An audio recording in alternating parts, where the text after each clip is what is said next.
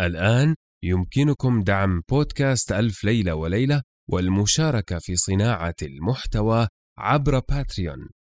الرابط موجود في وصف الحلقة. شكرا لكم شكرا دائما.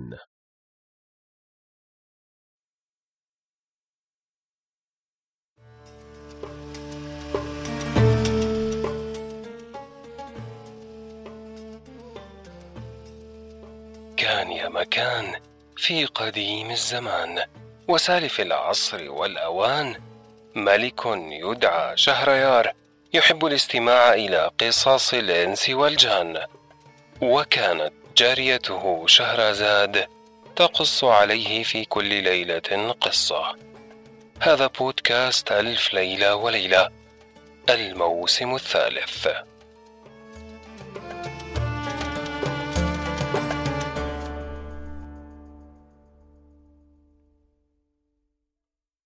الليلة الثانية والثمانون.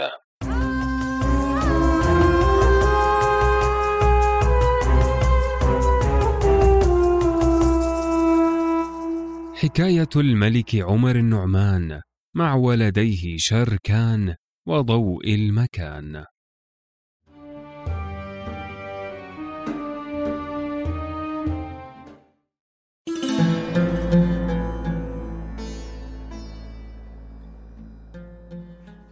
قالت بلغني أيها الملك السعيد أن الوزير دندان قال لضوء المكان.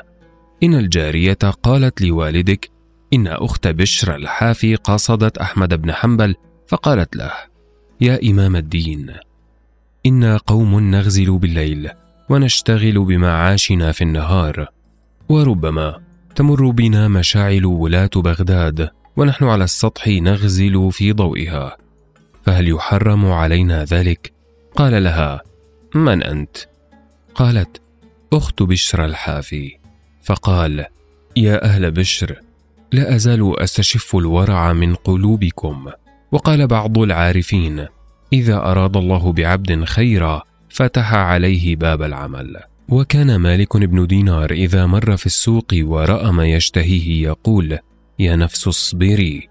فلا أوافقك على ما تريدين. وقال رضي الله عنه سلامة النفس في مخالفتها وبلاؤها في متابعتها. وقال منصور بن عمار حجت حجة فقصدت مكة من طريق الكوفة وكانت ليلة مظلمة. وإذا بصارخ يصرخ في جوف الليل ويقول إلهي وعزتك وجلالك ما أردت بمعصيتي مخالفتك وما أنا جاهل ولكن خطيئة قضيتها علي في قديم أزلك.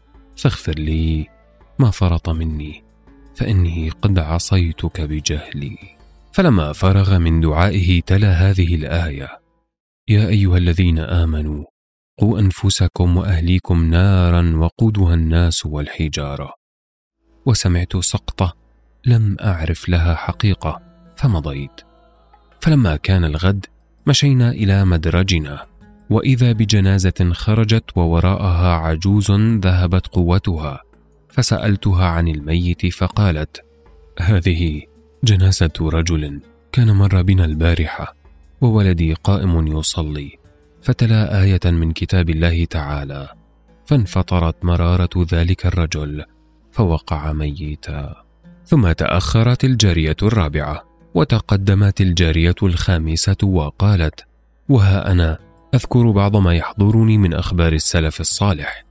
كان سلمة بن دينار يقول عند تصحيح الضمائر تغفر الصغائر والكبائر وإذا عزم العبد على ترك الآثام أتاه الفتوح وقال كل نعمة لا تقرب إلى الله فهي بلية وقليل الدنيا يشغل عن كثير الآخرة وكثيرها ينسيك قليلها. وسئل أبو حازم من أيسر الناس؟ فقال رجل أذهب عمره في طاعة الله. قال فمن أحق الناس؟ قال رجل باع آخرته بدنيا غيره. وروي أن موسى عليه السلام لما ورد ماء مدين قال ربي إني لما أنزلت إلي من خير فقير. فسأل موسى ربه ولم يسأل الناس. وجاءت الجاريتان فسقى لهما. فلما رجعتا أخبرتا أباهما شعيبا فقال لعله جائع. قال لإحداهما ارجعي إليه وادعيه. فلما أتته غطت وجهها وقالت إن أبي يدعوك ليجزيك أجر ما سقيت لنا. فكره موسى ذلك وأراد الا يتبعها. وكانت امرأة ذا عجز فكانت الريح تضرب ثوبها. فيظهر لموسى عجزها فيغض بصره. ثم قال لها كوني خلفي. فمشت خلفه حتى دخل على شعيب والعشاء مهيأ. وأدرك شهرزاد الصباح فسكتت عن الكلام المباح.